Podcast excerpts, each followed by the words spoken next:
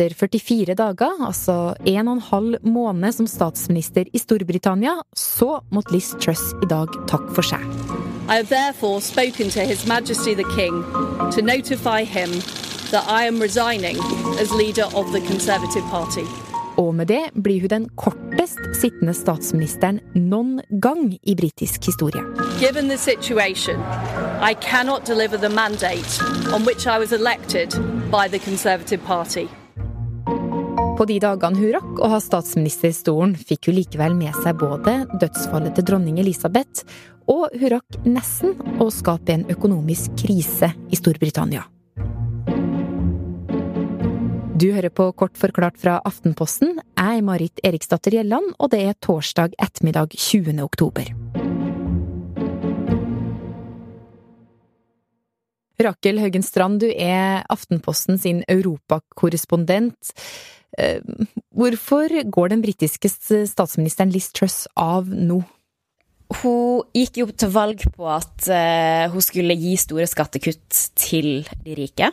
Uh, og det var hennes medisin for å få bukt med de store problemene som Storbritannia og en rekke andre land rundt om i verden står overfor nå. For det, de sliter med veldig høy prisvekst. Um, og hennes, altså Liz Truss sin medisin for å få bukt med det, er skattekutt til spesielt de rike og bedrifter, uh, sånn at man stimulerer til økonomisk vekst. da sånn at folk skal få mer å og økonomien komme i gang igjen. Eh, men det var flere økonomer og eksperter som advarte mot at det eh, ikke ville fungere.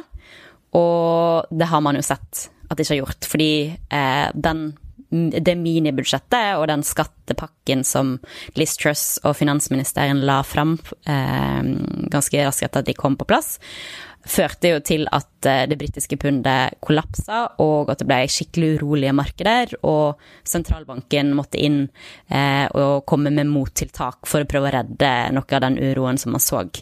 Og med i det dragsuget så tok man oppslutninga til Toriene. Hm. Så det var rett og slett eh, helt feil medisin da, for en uh, britisk økonomi der inflasjon blant annet er et stort problem? Mm, det har virkelig gjort alt verre. Og før helga så fikk finansministeren Kwasi Kwarteng, som har jobba med alle de her skattekuttene, sparken. Og så, i går, så gikk også innenriksminister Suella Braverman av. Hun gikk jo av på eget initiativ etter å ha sendt et offentlig dokument fra sin private e-post. Men samtidig så kritiserte hun sin egen regjering for å bryte løfter eh, de hadde gått til valg på. Så en del uro har det da vært på få dager. Men hvorfor gikk ikke bare Liz Truss av med en gang? Det var nok et ønske om å prøve å holde på makta og fortsette å sitte i statsministerstolen, for det er jo ganske dramatisk når en statsminister må gå av etter så kort tid. Hun hadde bare sittet noen uker. Så derfor prøvde hun nok først å ofre finansministeren eh, for å sjøl kunne sitte litt lenger.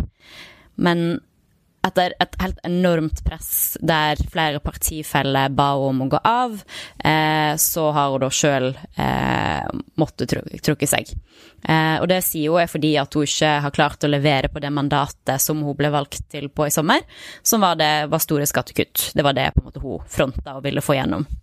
Og altså, hun har totalt feillest den økonomiske situasjonen i Storbritannia og innført skattekutt i en periode eh, som gjorde at både markedet og pundet kollapsa totalt. Og um, det hadde hun allerede altså det hadde hun blitt advart om da på forhånd om at det kunne skje. Um, så alt gikk rett og slett galt på utrolig kort tid. Uh, og hva skjer uh, nå da, Rakel? Det konservative partiet blir nødt til å velge en ny leder. Uh, som òg da vil ta over statsministerstolen. Og det har de sagt kommer til å skje innen en uke. Uh, så neste torsdag kan vi se en ny partileder og statsminister. Uh, men de har ikke sagt om, noe om hvordan det vil skje. Så det, altså det, kan komme en midlertidig leder, men det kan òg komme altså bli et valg der man velger en permanent leder. Uh, og det har de nok diskutert de to siste dagene når de har sittet i krisemøte. Um, og Liz Truss kommer til å sitte frem til det har blitt valgt en ny leder. Uh, så blir det jo interessant å se da hvem det blir. Ja, så det blir altså da enda en ny valgkamp i det konservative partiet, da. Det har jo vært en del av de de siste årene. Altså, hun er jo da ikke den første konservative statsministeren som må trekke seg. Hvordan skal det her konservative partiet få til det?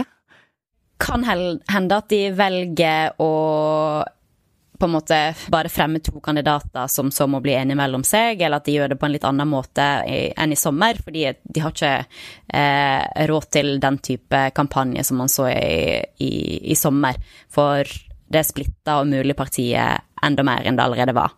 Um, så de bør jo Eh, eller jeg tror de jobber med å prøve å finne en kandidat som virker samlende på partiet, eh, og som kan være med på å samle de ulike fløyene som er internt.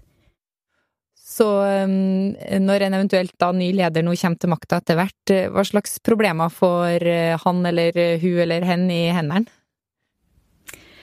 Så det er veldig mange problemer. Um, Britenes økonomi er, går skikkelig dårlig. De sliter med en utrolig høy prisvekst og veldig høye energiregninger og strømregninger.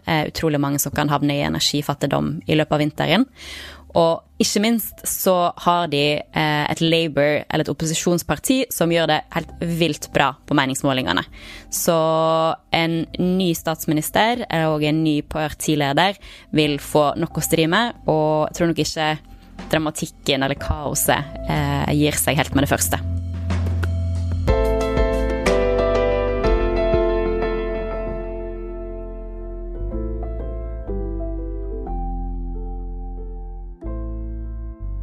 Det her var altså en kort forklart, og er du interessert i å forstå mer av bakgrunnen for Liz Truss sin avgang, så publiserte vi faktisk en episode på det 5.